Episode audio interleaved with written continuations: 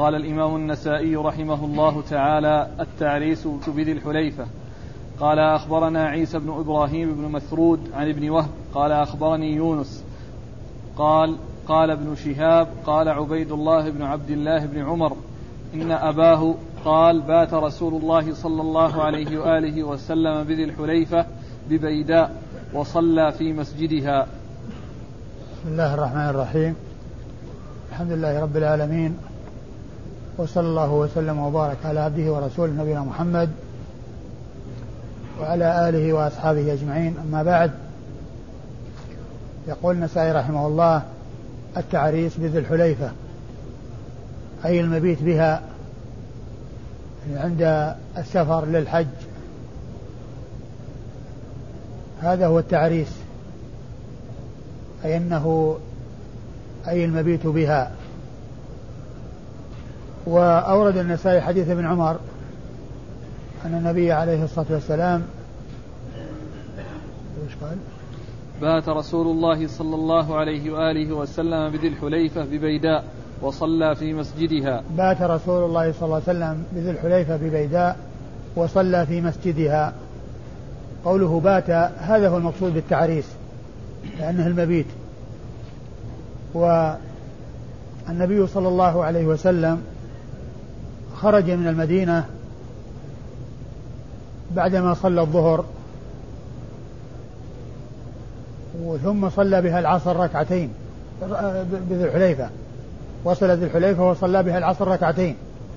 صلى بالمدينة الظهر أربعا ثم خرج منها بعد صلاة الظهر ووصل ذي الحليفة قبل العصر وصلى بها العصر ركعتين. وكذلك صلى المغرب والعشاء والفجر وصلى الظهر ثم أحرم وسافر إلى مكة وسار إلى مكة صلى الله عليه وسلم. فكانت صلاته فيها أي في ذي الحليفة خمس صلوات يعني أقام فيها يوما وليلة. فهو بات وجلس بعض النهار الذي يليها وبعض النهار الذي قبلها والسر في ذلك أن النبي عليه الصلاة والسلام حج هذه الحجة التي هي حجة الوداع وكان عليه الصلاة والسلام لما علم الناس بسفره للحج توافدوا إلى المدينة وجاءوا ليصحبوه صلى الله عليه وسلم في رحلته إلى الحج ليأخذوا أعمال الحج منه عليه الصلاة والسلام. فكان أن توافدوا إلى المدينة فكان خروجه إلى ذي الحليفة وبقائه فيها تلك الليلة وبعض اليوم الذي قبلها وبعض اليوم الذي بعدها حتى يلحق الناس وحتى يتوافد الناس وحتى يحصل خروج الناس معه ويجتمعون في هذا المكان حتى يصحبوه من أول رحلته ومن حين دخوله في النسك. صلوات الله وسلامه وبركاته عليه. يأخذون منه أعمال الحج منذ الإحرام ومنذ الدخول في النسك. فكان هذا هو السر في كونه عليه الصلاة والسلام جلس في ذي الحليفة يوما وليلة حتى يلحق الناس ويتوافد الناس ويجتمعون في هذا المكان ثم ينطلقون من هذا المكان. فيكون ذلك أرفق بهم. بخلاف لو خرج عليه الصلاة والسلام من هنا ثم سار واستمر في السير فإنه لا يحصل الالتقاء به عليه الصلاة والسلام وكون الناس يجتمعون معه في الميقات ويعرفون كيف دخل في الإحرام وكيف أهل وماذا وماذا قال فكان في بقائه في تلك في ذلك الموطن يوما وليلة فوائد منها الرفق بالناس ومنها اجتماع الناس ومنها أنهم جميعا يتمكنون من معرفة أفعاله عليه الصلاة والسلام في حجته منذ بدايتها الذي هو الإحرام من الميقات إلى نهايتها. وكان عليه الصلاة والسلام قد قال وهو في حجه في تلك الحجة خذوا عني مناسككم فلعلي لا ألقاكم بعد عامي هذا. خذوا عني مناسككم فلعلي لا ألقاكم بعد عامي هذا. صلوات الله وسلامه وبركاته عليه. وعلى هذا فكون الناس يذهبون إلى ذي الحليفة ويبيتون بها ليس هذا من السنة يعني أن الناس يبيتون بها وأنها من سنن السفر المبيت بذي الحليفة. لأن هذا كما هو معلوم الفائدة منه والحكمة منه هي ما أشرت إليه.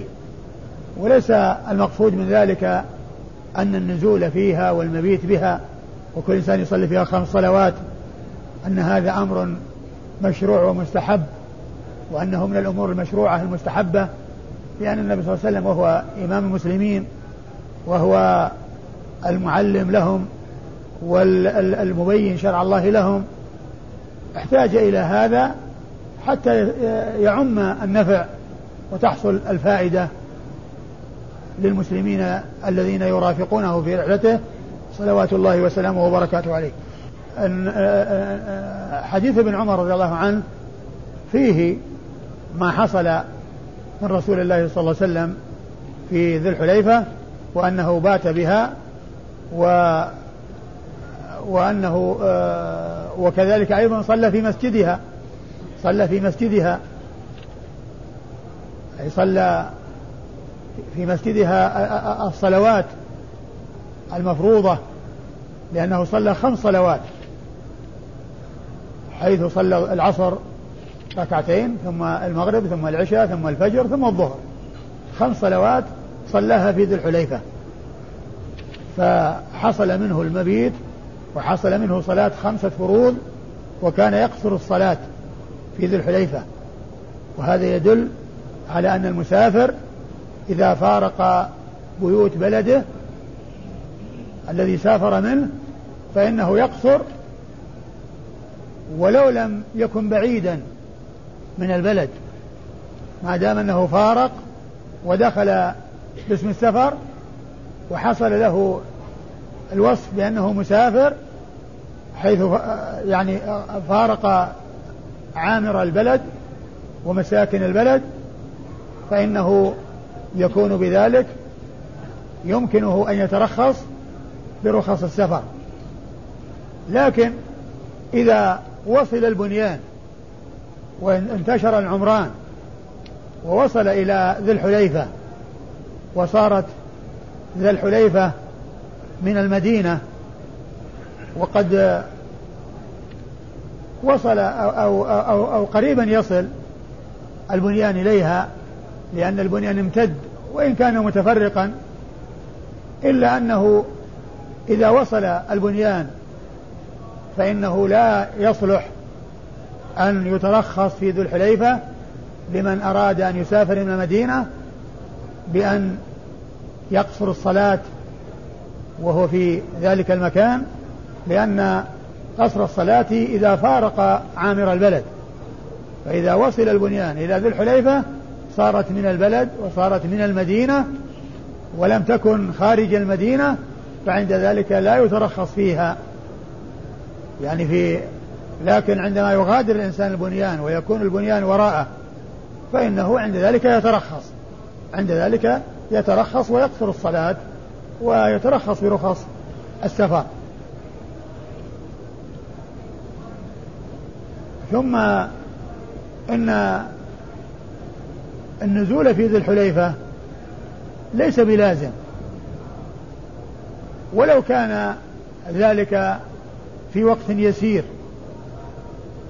بل للإنسان أن ينوي الإحرام والسيارة في الطريق الطريق المزفلت عندما يحاذي المسجد دون أن ينزل إلى الوادي وإلى المسجد. يمكنه ذلك. وإن نزل وصلى في المسجد سواء صلى فرضا أو صلى ركعتين وأحرم بعدهما فذلك حسن لأن النبي عليه الصلاة والسلام كما جاء في بعض الأحاديث أنه لما بات في ذي الحليفة؟ قال أتاني الليلة آت فقال صل في هذا الوادي المبارك وقل عمرة في حجة وفي بعض الروايات عمرة وحجة. فإذا فعل الإنسان ذلك ومر بالمسجد ونزل وصلى فإن ذلك حسن وإن لم ينزل فإنه ليس عليه شيء ولا يلزمه شيء ولا بأس بإستمراره. لكن لا يتجاوز لا يتجاوز محاذاة المسجد إلا وقد أحرم وقد نوى ولبى ثم يستمر في في سيره ملبيا. نعم. قال أخبرنا عيسى بن إبراهيم بن مثرود. أخبرنا عيسى بن إبراهيم بن مثرود وهو ثقة. أخرج حديثه أبو داود النسائي؟ نعم. أخرج حديثه أبو داود والنسائي عن ابن وهب. عن ابن وهب وهو عبد الله بن وهب المصري ثقة فقيه أخرج حديثه أصحاب الكتب الستة. عن يونس. عن يونس بن يزيد الأيلي وهو ثقة أخرج حديثه أصحاب الكتب الستة. عن ابن شهاب. عن ابن شهاب وهو محمد بن مسلم بن عبيد الله الزهري ثقة فقيه مكثر من رواية حديث رسول الله صلى الله عليه وسلم ومن صغار التابعين. حديثه أخرجه أصحاب الكتب الستة. عن عبيد الله بن عبد الله بن عمر. عن عبيد الله بن عبد الله بن عمر وهو ثقة وهو شقيق سالم بن عبد الله بن عمر وحديثه أخرجه أصحاب الكتب الستة. عن ابن عمر. عن ابن عمر عبد الله بن عمر ابن الخطاب رضي الله تعالى عنهما صحابي مشهور هو أحد السبعة المعروفين بكثرة الحديث عن النبي صلى الله عليه وسلم من أصحابه الكرام. وأحد العبادلة الأربعة من أصحاب رسول الله صلى الله عليه وسلم ورضي الله عنهم وأرضاهم وهم عبد الله بن عمر وعبد الله بن عباس وعبد الله بن الزبير وعبد الله بن عمرو بن العاص فهؤلاء هم العبادلة الأربعة من أصحاب رسول الله صلى الله عليه وسلم الذين اشتهروا بهذا اللقب. وفي الصحابة ممن يسمى عبد الله كثير منهم عبد الله بن مسعود وعبد الله بن قيس أبو موسى الأشعري وعدد كبير. من أصحاب رسول الله صلى الله عليه وسلم يسمون عبد الله لكن الذين اشتهروا بلقب العبادلة الأربعة هم هؤلاء الذين منهم عبد الله بن عمر رضي الله تعالى عنهم وعن الصحابة أجمعين. نعم. صلى الله عليك في المتن قوله بذي الحليفة ببيداء. ببيداء طبعا يعني هي المكان هو يقال له بيداء يقال له بيداء. وقوله صلى في مسجدها يعني كان يعني مسجد الحليفة.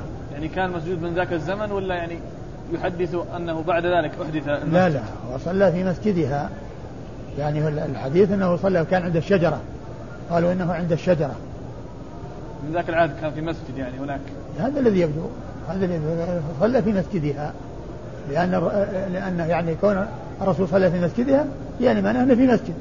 قالوا وفيها مسجد عند الشجرة وفيها بئر يقال لها بئر علي ولهذا يقال لها بئر علي. قال أخبرنا عبدة بن عبد الله عن سويد عن زهير عن موسى بن عقبة عن سالم بن عبد الله عن عبد الله بن عمر رضي الله عنهما عن رسول الله صلى الله عليه وآله وسلم أنه وهو في المعرس بذي الحليفة أتي فقيل له إنك ببطحاء مباركة. ثم أورد النسائي حديث ابن عمر. نعم. حديث ابن عمر من طريق أخرى وفيه أن النبي عليه الصلاة والسلام لما كان بالمعرس أي المكان الذي بات فيه في ذي الحليفة تلك الليلة التي بقي فيها بعد خروجه من المدينة وقبل وقبل انطلاقه من ذي الحليفة إلى مكة. ذلك المكان الذي هو المعرس أي الذي بات فيه. أتي أي في المنام وقيل له إنك ببيداء مباركة ببطحاء مباركة. إنك ببطحاء مباركة. وجاء في بعض الروايات صل في هذا الوادي المبارك وقل عمرة في حجة أو عمرة وحجة. وهذا يدلنا على فضل هذا الوادي الذي هو وادي العقيق وأنه آه وصف بأنه مبارك وأن البطحة مباركة. نعم. قال أخبرنا عبدة بن عبد الله أخبرنا عبده بن عبد الله الصفار وهو ثقة أخرج حديثه. البخاري وأصحاب السنن. أخرج حديثه البخاري وأصحاب السنن الأربعة. عن سويد. عن سويد بن عمرو الكلبي وهو ثقة أخرج حديثه مسلم. والترمذي والنسائي وابن ماجه. مسلم والترمذي والنسائي وابن ماجه. عن زهير. عن زهير بن معاوية أبو خيثمة الجعفي وهو ثقة أخرج حديثه أصحاب الكتب الستة. عن موسى بن عقبة. عن موسى بن عقبة المدني وهو ثقة فقيه وصاحب المغازي وحديثه أخرجه أصحاب الكتب الستة. وقد مر بنا قريبا ذكر أخوين له وهما محمد وإبراهيم. وهم ثلاثة إخوة أولاد عقبة موسى بن عقبة ومحمد بن عقبة وإبراهيم بن عقبة. وعقبة موسى هو المشهور ولهذا يقولون عند ترجمة كل واحد منهم أخو موسى. أخو موسى أي موسى بن عقبة المشهور وهم ثلاثة إخوة من الرواة رواة الأحاديث. وموسى بن عقبة يأتي كثيرا في الروايات وأما أخواه محمد وإبراهيم فقد مر ذكرهما قريبا في بعض الأحاديث. نعم. عن سالم بن عبد الله. عن سالم بن عبد الله بن عمر وهو أحد الفقهاء السبعة في المدينة في عصر التابعين على أحد الأقوال الثلاثة في السابع وعبيد الله الذي مر في الإسناد السابق أخوه شقيقه أخو سالم شقيقه. وحديث سالم أخرجه أصحاب الكتب الستة. عن عبد الله بن عمر وقد مر ذكره. هل للإنسان أن يذهب إلى هذه البطحاء يصلي فيها الآن؟ لا ليس له ذلك. ليس له أن يقصدها للصلاة فيها. إلا إذا كان حاجا أو معتمرا فإنه يقصدها ويصلي فيها. أما كونه يذهب إليها ويقصدها للصلاة فيها فهذا لا يشرع لأن النبي صلى الله عليه وسلم ما فعل ذلك. ما كان يذهب إليها ويصلي فيها من أجل أنها وصفت بأنها مباركة. وإنما آه، من أراد الحج أو العمرة هو الذي له أن أن يمر بها وأن ينزل بها وأن يصلي فيها إذا أراد. وإن لم يفعل فإن ذلك ليس بلازم. قال أخبرنا محمد بن سلمة. قال أخبرنا محمد بن سلمة والحارث بن مسكين قراءة عليه وأنا أسمع. عن ابن القاسم قال حدثني مالك عن نافع عن ابن عمر رضي الله عنهما أن رسول الله صلى الله عليه وآله وسلم أناخ بالبطحاء الذي بذي الحليفة وصلى بها. ثم أورد حديث ابن عمر من طريق أخرى وفيه ما تقدم باختصار إلا أنه مختصر أنه أناخ بالبطحة التي بذي الحليفة وصلى بها. والرواية السابقة فيها أنه بات وليس يعني آه وهذه مجملة وتلك مفصلة اللي مرت لأن تلك فادت بأنه بات وهنا أنه أناخ بها وصلى. يعني آه، وبيان ذلك أنه مكث فيها يوما وليلة وصلى فيها خمسة أوقات. قال أخبرنا محمد بن سلمة. محمد بن سلمة المرادي المصري وهو ثقة أخرج حديثه مسلم وأبو داود والنسائي بن ماجه. نعم. مسلم وأبو داود والنسائي بن ماجه. والحارث بن مسكين. والحارث المسكين أيضا شيخ النسائي المصري وهو ثقة أخرج حديثه أبو داود النسائي. قال قراءة عليه وأنا أسمع واللفظ له. لا ما في. ما فيه ما في واللفظ له؟ لا. ولا في قراءة عليه؟ إلا في قراءة نعم عليه. قراءة عليه نعم. قراءة عليه وأنا أسمع. وما نص على أن اللفظ له فيحتمل أن يكون لفظ له وأن يكون للشيخ الأول. ولكنه كثيرا عندما يذكر الحارث المسكين يذكره مع شيخ قبله وينص على أنه أخذ عنه قراءة عليه وأن اللفظ له. لكن هذه الرواية ليس فيها التنصيص على أنه اللفظ له وإن كان كثيرا ما يأتي في الروايات التي يقرن فيها بين شيخ الحارث المسكين وشيخ, وشيخ آخر يقول قراءة عليه واللفظ له. نعم. عن ابن القاسم. عن ابن القاسم عبد الرحمن بن القاسم. صاحب الإمام مالك وهو ثقة أخرج حديثه البخاري وأبو داود في المراسيل والنسائي. عن مالك ابن أنس إمام دار الهجرة المحدث الفقيه أحد أصحاب المذاهب الأربعة المشهورة مذاهب أهل السنة وهو إمام من أئمة أهل السنة معروف بالحديث ومعروف بالفقه رحمة الله عليه. وحديثه أخرجه أصحاب الكتب الستة. بل إن الإسناد الذي يكون فيه مالك عن نافع عن ابن عمر هو أصح الأسانيد عند البخاري على الإطلاق. أصح الأسانيد عند البخاري على الإطلاق. الإسناد الذي يكون فيه مالك ويروي عن نافع ونافع يروي عن ابن عمر.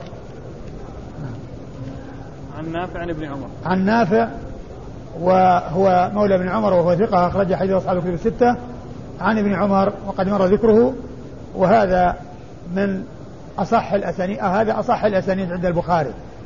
قال البيداء قال أخبرنا إسحاق بن إبراهيم قال حدثنا النضر وهو ابن شميل قال حدثنا أشعث وهو ابن عبد الملك عن الحسن عن أنس بن مالك رضي الله عنه أن رسول الله صلى الله عليه وآله وسلم صلى الظهر بالبيداء ثم ركب وصعد جبل البيداء فأهل بالحج والعمرة حين صلى الظهر. ثم أورد هذه الترجمة وهي البيداء ذكر البيداء.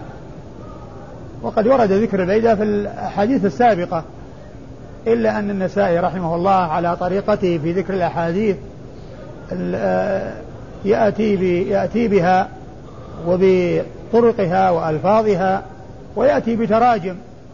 تكون هذه الترا... هذه الأحاديث آه، مشتملة على على ما يدل على تلك التراجم. فهو ذكر البيداء وأورد وأورد حديث أنس الذي فيه ذكرها الذي فيه ذكرها. وإن كان ورد ذكرها في الأحاديث السابقة عن ابن عمر إلا أنه أتى به في هذه الترجمة وأتى بالحديث الذي فيه ذكر البيداء. والمراد بها هي تلك الأرض يعني فيه البيداء التي هي ذي الحليفة وكذلك الأرض المتصلة بها عندما ينطلق و فإنه يمشي في البيداء ويسير في البيداء. وأورد حديث أنس بن مالك رضي الله عنه أن النبي صلى الله عليه وسلم صلى الظهر بالبيداء. صلى الظهر بالبيداء والمقصود بذلك ذي الحليفة لأنه صلى بها الظهر أي عند عند إرادة المغادرة اللي هو في النهاية. وأما الصلاة التي صلاها في الأول هي العصر من اليوم الذي قبله لأنه صلى الظهر في المدينة أربعا صلى بالناس في هذا المسجد أربعا ثم ذهب ولما وصل ذي الحليفة قبل العصر وجاء وقت العصر صلى بها العصر ركعتين يقصر. ثم بعد أن جاءت الصلاة الخامسة وهي الظهر صلى بها وهو يقصر ثم أحرم بعدها ثم أهل بعد هذه الصلاة أي صلاة الظهر. أيوة. ثم ركب وصعد جبل البيداء. وصعد جبل البيداء. لا أدري ما المراد بجبل جبل البيداء إلا أن يكون مكان مرتفع بعد ما يظهر من الوادي ويمشي في الأماكن المرتفعة. إذا كان يراد بها هذا و إيش فأهل بالحج والعمرة حين صلى الظهر؟ وأهل بالحج والعمرة حين صلى الظهر؟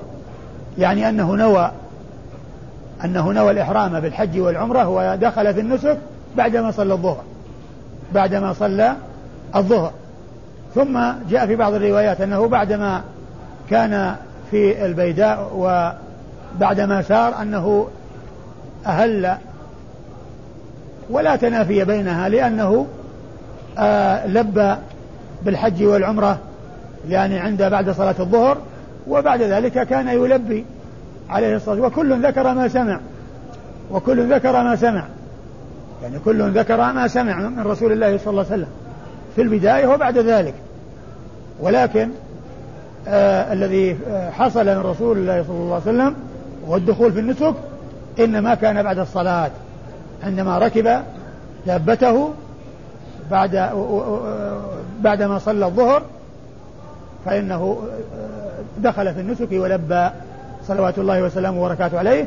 ثم حصل منه ذلك بعد ذلك وكل ذكر ما سمعه يعني بعد الصلاة وبعد ذلك بمدة أي بعد الصلاة بمدة. نعم. هل تحصل التلبية بعد السلام من الصلاة في نفس المسجد؟ لا. لا ما تكون بعد السلام وإنما تكون بعد الركوب إذا صلى الإنسان وركب يعني يبدأ بالتلبية. يبدأ يبدأ بالتلبية. قال أخبرنا إسحاق بن أخبرنا إسحاق بن إبراهيم. أخبرنا إسحاق بن إبراهيم وهو ابن مخلد بن راهوية الحنظلي ثقة فقيه آه وصف بأنه أمير المؤمنين في الحديث وهي من أعلى صيغ التعديل وأرفعها. وهذا الوصف حصل لعدد قليل من المحدثين منهم إسحاق هذا ومنهم سفيان الثوري ومنهم شعبة بن الحجاج ومنهم البخاري ومنهم الدار قطني ومنهم آخرون. وهو لقب رفيع من أعلى صيغ التعديل كونه يقال عن الشخص أمير المؤمنين في الحديث. وحديثه أخرجه أصحاب الكتب الستة إلا ابن ماجه فإنه لم يخرج له شيئا. عن النضر بن شميل. عن النضر بن شميل وهو ثقة أخرج حديثه أصحاب الكتب الستة. عن أشعث وهو ابن عبد الملك. أشعث بن عبد الملك الحمراني وهو ثقة أخرج حديثه البخاري تعليقا وأصحاب السنن الأربعة. عن الحسن. عن الحسن ابن أبي الحسن البصري وهو ثقة فقيه يرسل ويدلس وحديثه أخرجه أصحاب الكتب الستة.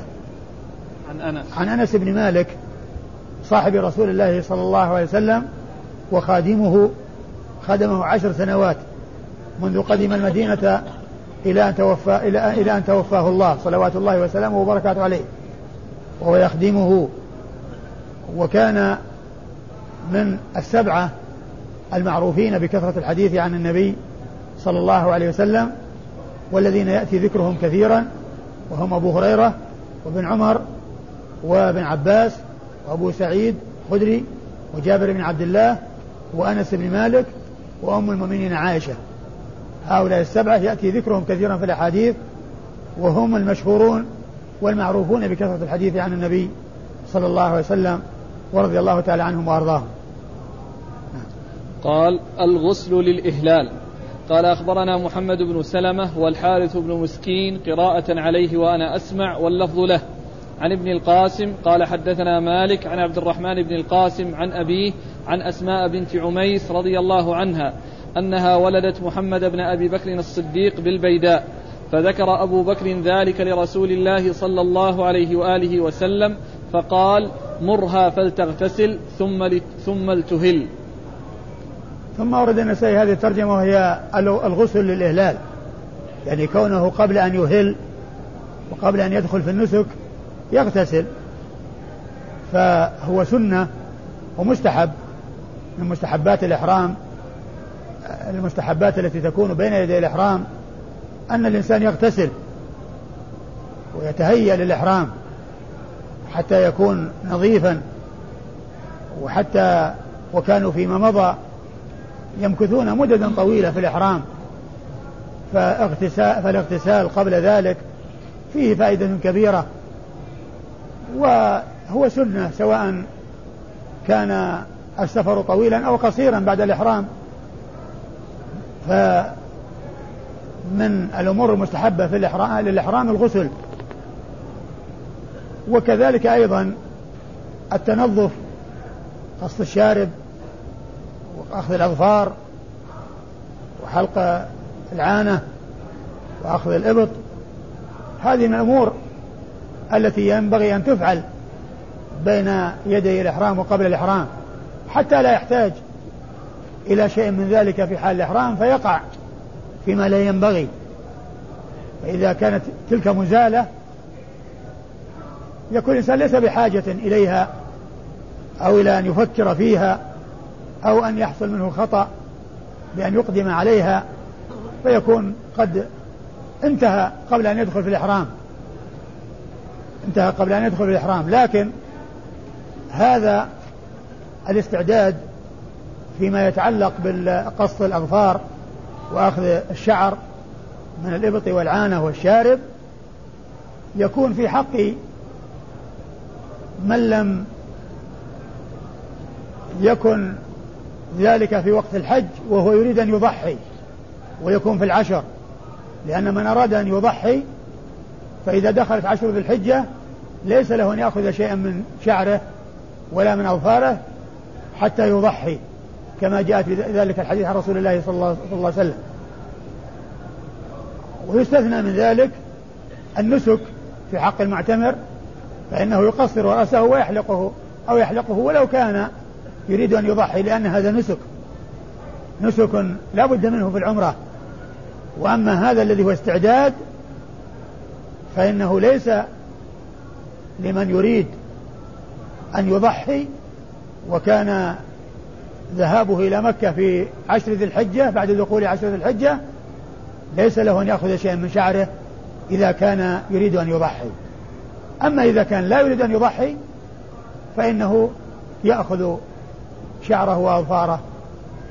وكذلك إذا كان الأمر في غير ذي الحجة يعني في أوقات أخرى في ذي القعدة أو في أي وقت يعتمر فيه الإنسان فإنه يستعد لهذه الأمور. ولا يستثنى من ذلك إلا حالة كون الإنسان يريد أن الإحرام في عشر ذي الحجة وهو يريد أن يضحي. فإنه لا يأخذ شيء من شعره ولا من أظفاره ولكن الاغتسال يغتسل لأن الاغتسال لا علاقة له بأخذ الشعر.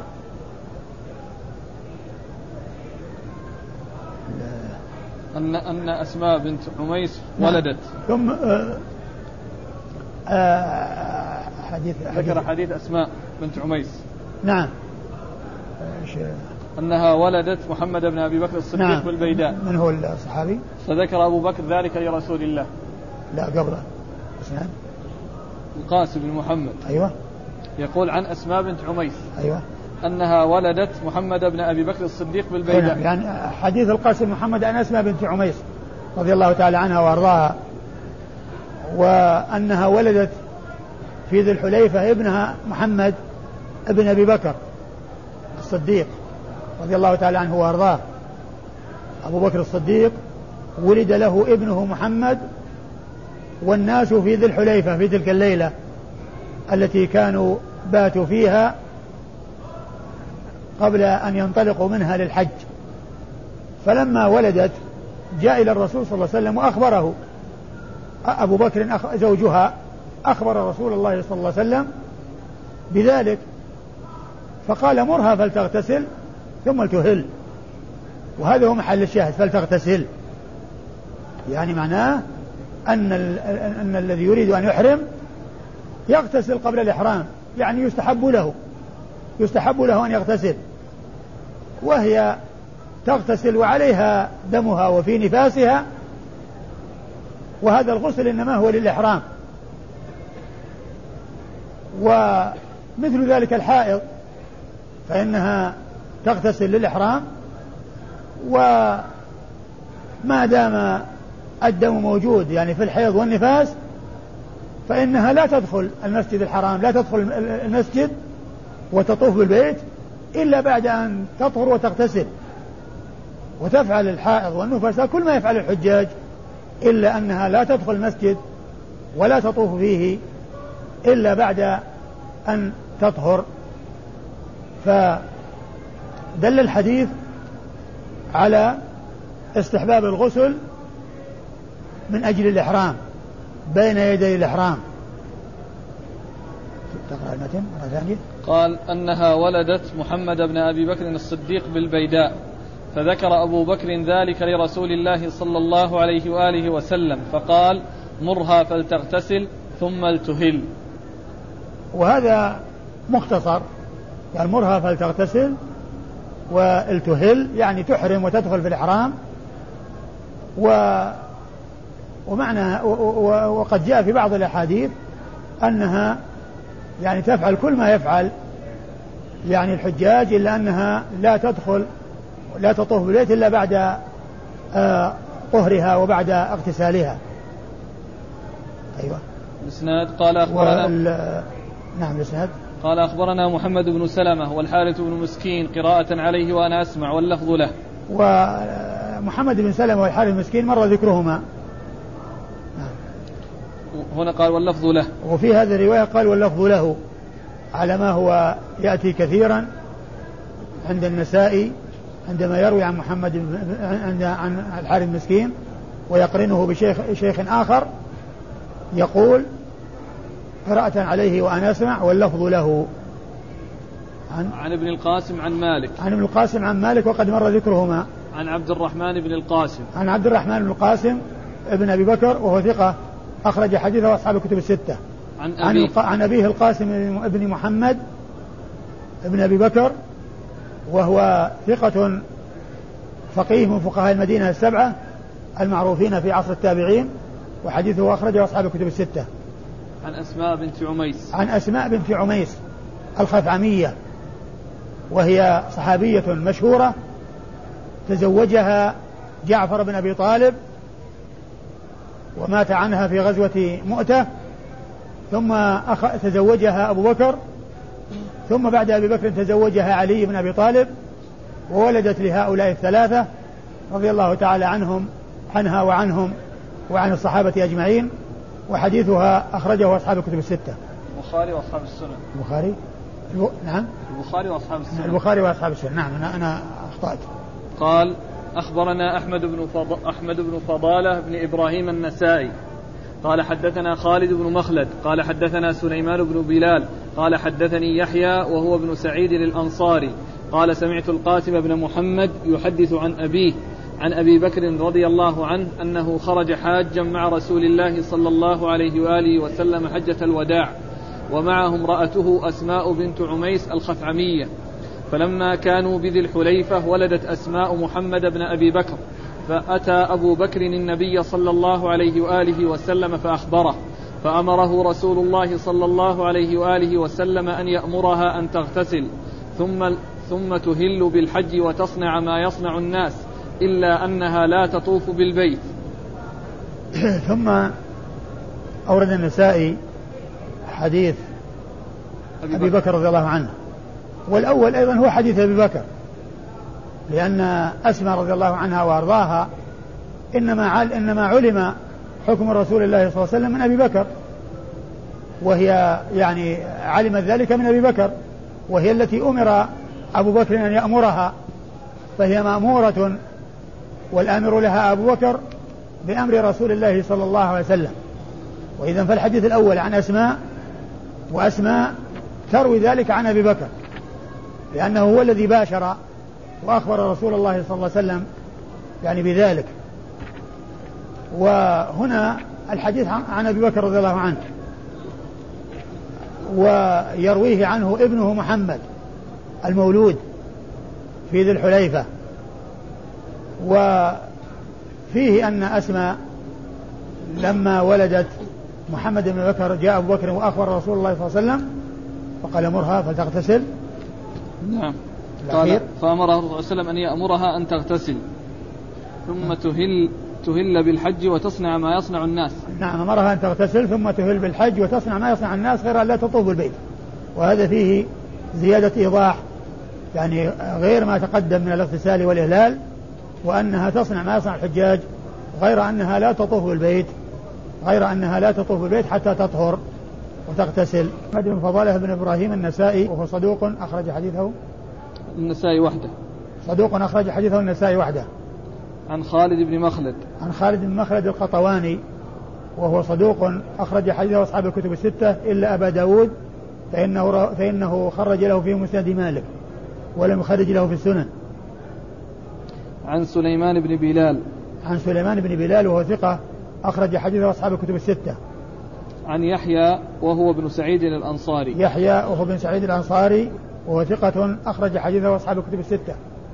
عن القاسم بن محمد عن أبيه. عن القاسم بن محمد وقد مر ذكره عن أبيه محمد ابن أبي بكر وله رؤية لأنه آه، ولد في ذي الحليفة وأدرك من حياة الرسول صلى الله عليه وسلم أشهرا لأن لأنه ولد في ذي الحليفة في ذي القعدة يعني في آخرها وتوفي الرسول صلى الله عليه وسلم في ربيع الأول من السنة من السنة التالية لأن ذلك في حجة الوداع والرسول صلى الله عليه وسلم من الم... كما هو معلوم لم يحج إلا حجة واحدة. ف يعني له رؤية. نعم.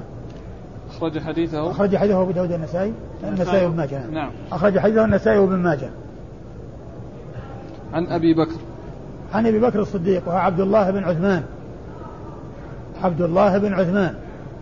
هو مشهور بكنيته أبو بكر وأبوه مشهور بكنيته أبو قحافة. واسم أبي بكر عبد الله واسم أبي قحافة عثمان فهو عبد الله بن عثمان.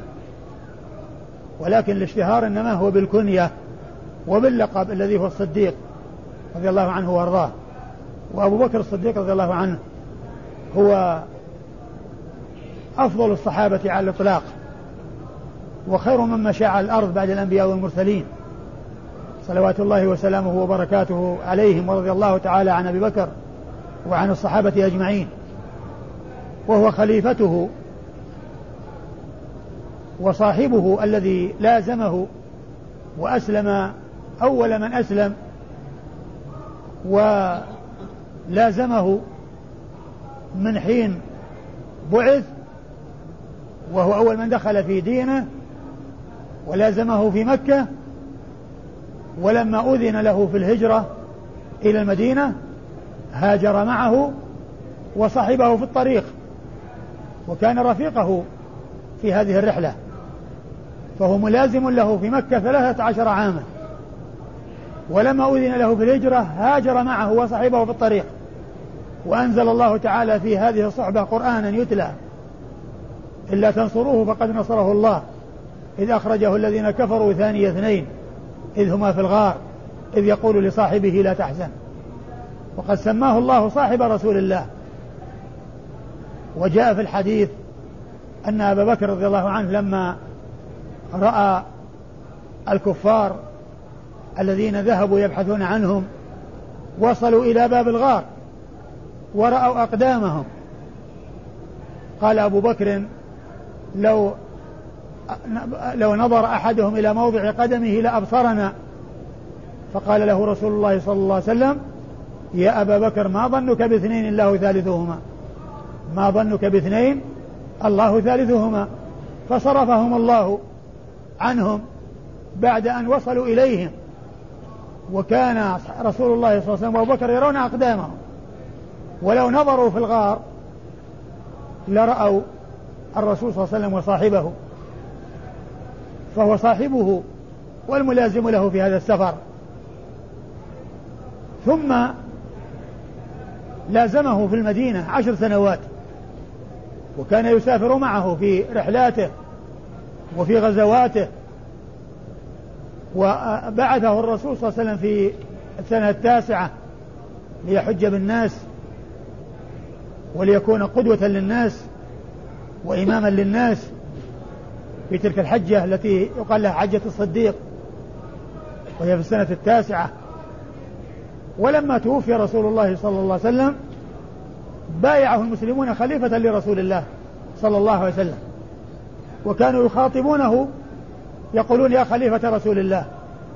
عندما يخاطبونه يلقبونه بهذا اللقب خليفة رسول الله.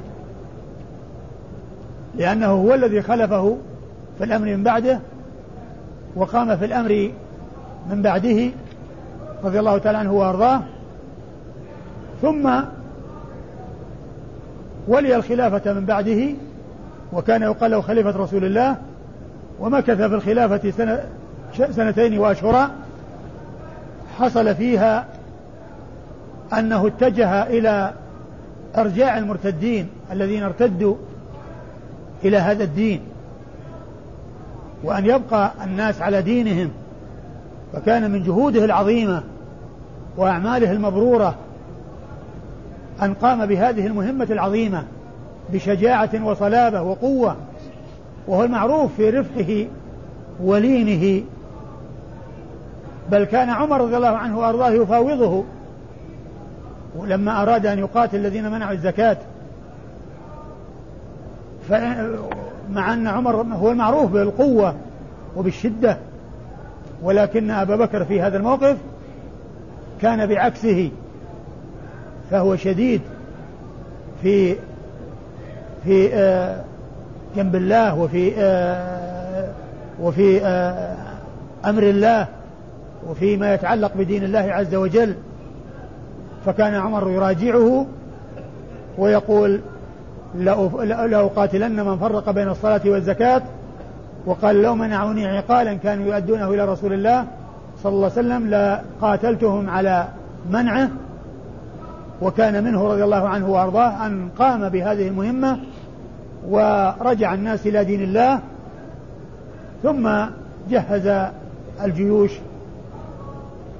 للجهاد في سبيل الله عز وجل ومكث في الخلافة سنتين وأشهرا وقام بجمع القرآن الجمع الأول الذي لما مات كثير من الصحابة في بعض الغزوات الذين اللي هم حملة القرآن وحفظة القرآن أشار عليه عمر بأن يجمع القرآن فجمعه في صحف إلا أنه لم يجمع جمعة واحدة مستقرة كالذي حصل من عثمان رضي الله عنه وأرضاه. ولكن جمعت تلك الصحف وحفظت حتى جاء زمن عثمان بن عفان فجمع الجمع النهائي الذي هو موجود بأيدينا الآن. و ولما توفي أبو بكر رضي الله عنه دفن بجوار رسول الله صلى الله عليه وسلم. وإذا بعث يكون معه في الجنة. فأبو بكر رضي الله عنه ملازم لرسول الله صلى الله عليه وسلم ملازمة ما حصلت لأحد من الناس لأنه أسلم أول من أسلم من حين بعث رسول الله صلى الله عليه وسلم ولازمه في مكة ثم لازمه في الطريق إلى المدينة ثم لازمه في المدينة ولما توفي قام بالأمر من بعد خير قيام ولما مات دفن بجواره وإذا بعث يكون معه في الجنة. وذلك فضل الله يؤتيه من يشاء والله تعالى ذو الفضل العظيم. ولهذا فإن محبة هذا الرجل العظيم ومحبة سائر الصحابة هي علامة الإيمان ودليل الإيمان وبغضه وبغض الصحابة علامة الخذلان. وعلامة البعد عن الحق والهدى. هذا شأنه وهذه حاله ملازمة تامة للرسول صلى الله عليه وسلم ومجاورة بعد الموت ومرافقة في الجنة بعد البعث. كل هذه المناقب كل هذه الأمور حصلت لأبي بكر وهو قد جاء في حقه أحاديث كثيرة تدل على فضله وعلو قدره ومن أعظم مناقبه بل هي أعظم مناقبه أن النبي عليه الصلاة والسلام قال لو كنت متخذا من أمتي خليلا لاتخذت أبا بكر خليلا لأن اتخاذ الخليل ما وجد ولكن لو وجد لكان الذي يستحقه أبو بكر الصديق رضي الله عنه أبا بكر الصديق رضي الله عنه وأرضاه. هو الذي يستحق هذا هذه الميزة وهذه المنزلة. وهذه هذا شيء يسير مما يتعلق بهذا الرجل العظيم أبو بكر الصديق رضي الله تعالى عنه وأرضاه. الذي هو خير الأمة وأفضلها ولم يأتي ولم يمشي على الأرض بعد الأنبياء والمرسلين أفضل منه لأن أمات أمة محمد عليه الصلاة والسلام هي خير الأمم وخير أمة محمد أصحاب رسول الله عليه الصلاة والسلام وخير أصحاب رسول الله صلى الله عليه وسلم أبو بكر ثم عمر ثم عثمان ثم علي رضي الله تعالى عنهم وعن الصحابة أجمعين نعم بالنسبة لأسماء بنت عميس. نعم. في طبعة أبي الأشبال أخرج لها أصحاب الكتب الستة. ها؟ في طبعة أبي الأشبال تحقيق أبي الأشبال. أيوه. فيها أصحاب الكتب الستة. أصحاب الكتب الستة؟ أي أسماء بنت عميس. والذي قال البخاري وأصحاب السنة منه. هذا طبعا محمد دوامة أي على كل أنا لا أدري يعني إيش الحقيقة لكن ال يعني انه ما روى لها ما روى لها مسلم. ما روى لها مسلم. ما أدري إيش الحقيقة في هذا لكن يمكن أن يعرف يعني بال يعني بال بأحاديثها ويمكن أن يعرف بال الكتب المؤلفة في رجال الصحيحين الجمع بين رجال الصحيحين لابن القيصراني لأنه يذكر كل من خرج خرج له في الصحيحين. على كل يمكن أن يتحقق أي القولين أصح اللي هو أو اللي هو والاشبال إيه يعني لعله موجودا فيه الحديث يعني انه أنه في مسلم. قال غسل المحرم.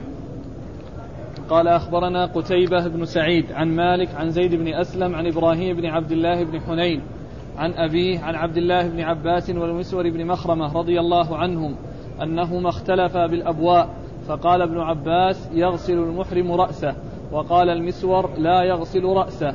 فأرسلني, فأرسلني ابن عباس إلى أبي أيوب الأنصاري رضي الله عنه أسأله عن ذلك فوجدته يغتسل بين قرني البئر وهو مستتر بثوب فسلمت عليه وقلت أرسلني إليك عبد الله بن عباس أسألك كيف كان رسول الله صلى الله عليه وآله وسلم يغسل رأسه وهو محرم. فوضع أبو أيوب يده على الثوب فطأطأه حتى بدا رأسه ثم قال ثم قال لإنسان يصب على رأسه ثم حرك رأسه بيديه فأقبل بهما وأدبر وقال هكذا رأيت رسول الله صلى الله عليه وآله وسلم يفعل. ثم أورد النسائي هذا وهي الترجمة وهي غسل المحرم. يعني كون يعني مقصود منها كونه يغتسل وهو محرم. يعني هو في حال إحرامه يغتسل. أما الترجمة السابقة اللي مرت هي عند الإحرام يعني قبل الإحرام استعدادا له اللي هو غسل أسماء بنت عميس. قال مرها فلتغتسل ثم لتهل. يعني ما تغتسل قبل الإحرام ثم تدخل في الإحرام. وأما الترجمة هذه إنما هي للغسل بعد الإحرام. كون الإنسان محرم يغتسل. كون الإنسان محرم يغتسل وهو في حال إحرامه. آه، أورد النسائي حديث آه، حديث آه، أبي أبي أيوب الأنصاري رضي الله تعالى عنه الذي فيه أن عبد الله أن عبد أن إبراهيم أن, أن عبد الله بن حنين عبد الله هذاك إبراهيم بن عبد الله يروي عن أبي عبد الله نعم. أن عبد الله بن حنين يقال أن أن ابن عبد, الله بن عباس والمسور المسور بن مخرمة آه، اختلفوا في غسل المحرم. فقال ابن عباس يغسل المحرم رأسه وقال المسور لا يغسله. وابن عباس يعني يبدو أن عنده أن أنه يعلم أن أبا أيوب الأنصاري عنده سنة في ذلك عن رسول الله عليه الصلاة والسلام. فأرسل ابن عباس عبد الله بن حنين إلى أبي أيوب يسأله كيف كان الرسول يغسل رأسه وهو محرم؟ كيف كان رسول الله يعني؟ و وفي هذا السؤال إشارة إلى أن الغسل معروف. أو غ... إلى أن الغسل معروف وأن غ... وأن ولكن المقصود من ذلك كيفية غسل الرأس. كيفية غسل الرأس وهو محرم. ومن المعلوم أن الإنسان يغسل رأسه عندما يريد أن يغتسل لأنه في الوضوء ما يغسل الرأس يمسح ولكنه يغسل عند الاغتسال يغسل عند الاغتسال لأن فرضه في الوضوء المسح وليس الغسل وإنما الغسل يكون عند الاغتسال. ف وكان يغتسل وكان يستر بثوب فطأطأ الثوب وضع يده على الثوب وطأطأه حتى يعني يبدو رأسه. وكان عند واحد يصب عليه فأمر يصب فصب على رأسه وحرك إيش قال؟ وحرك. حرك رأسه بيديه. وحرك رأسه بيديه وأقبل به وأدبر. حرك رأسه بيديه وأقبل به وأدبر. وهذا يدل على اغتسال المحرم وعلى أنه يغسل رأسه ويحركه. ويقبل فيه ويدبر كالحال في غير الإحرام والإنسان يغسله ويحرك رأسه لكن لا يفعل الحركة الشديدة التي يترتب عليها إسقاط شعر. ولو سقط شعر بهذه الحال وبهذه المناسبة لا شيء على الإنسان. لو سقط من رأسه شيء وهو يغتسل بسبب تحريك رأسه ليس عليه شيء. ولكن لا ينبغي له أن يحرك تحريكا شديدا وإن حصل سقوط شعر بسبب ذلك فإنه لا شيء على الإنسان. فأبو موسى رضي الله عنه أبو أيوب رضي الله عنه لما أراه هذا ال يعني هذا ال ال العمل قال هكذا رأيت رسول رأيت رسول الله صلى الله عليه وسلم يفعل. وهذا هو الذي فيه إضافته إلى رسول الله. فأبو موسى هو الذي يروي ذلك عن رسول الله. ورفعه إلى رسول الله صلى الله عليه وسلم إنما هو عن أبي, أبي أيوب الأنصاري رضي الله تعالى عنه وأرضاه الذي رأى رسول الله صلى الله عليه وسلم يفعل. عيد المتن؟ نعم. عيد المتن؟ عن عبد الله بن عباس والمسور المخرمة أنهما اختلفا بالأبواء. فقال ابن عباس يغسل المحرم رأسه. وقال المسور لا يغسل رأسه. فأرسلني ابن عباس إلى أبي أيوب الأنصاري أسأله عن ذلك. فوجدته يغتسل بين قرني البئر وهو مستتر بثوب فسلمت عليه وقلت أرسلني إليك عبد الله بن عباس أسألك كيف كان رسول الله صلى الله عليه وآله وسلم يغسل رأسه وهو محرم. فوضع أبو أيوب يده على الثوب فطأطأه حتى بدا رأسه ثم قال لإنسان يصب على رأسه ثم حرك رأسه بيديه فأقبل بهما وأدبر. وقال هكذا رأيت رسول الله صلى الله عليه وآله وسلم يفعل. والحديث يدل على وجود الاختلاف بين الصحابة وأنهم يجتهدون في المسائل التي لا نص فيها وأن بعضهم قد يكون وبعضهم يكون عنده علم عن رسول الله صلى الله عليه وسلم فيحتج به وبعضهم قد يكون بنى ذلك على اجتهاد ولعل المسور بن مخرمة. قال إنه لا يغسل رأسه لما علم من أن الرأس آه، في حال الإحرام لا يتعرض لشعره وأنه قد يكون غسله فيه إسقاط شيء من الشعر. لكن لما كانت سنة رسول الله صلى الله عليه وسلم موجودة في ذلك فإن الرجوع يكون لا بد وأن يكون إليها. وفيه أنه عند الاختلاف يرجع إلى الفصل عند من يكون عنده سنة عن رسول الله صلى الله عليه وسلم. والله تعالى يقول فإن تنازعتم في شيء فردوه إلى الله والرسول وردوا إلى الله وردوا إلى كتابه وإلى الرسول صلى الله عليه وسلم في حياته وإلى السنة بعد وفاته سنته صلى الله عليه وسلم بعد وفاته. وابن عباس أرسل عبد الله بن حنين إلى أبي أيوب ليبين ما عنده عن رسول الله صلى الله عليه وسلم في ذلك فذهب عبد الله بن حنين إليه ووجده يغتسل وهو يستر بثوب وهو يدل على أن الإنسان عندما يغتسل يكون مستترا وأيضا سلم عليه وخاطبه وهذا يدل على أن الإنسان الذي يغتسل له أن يخاطب.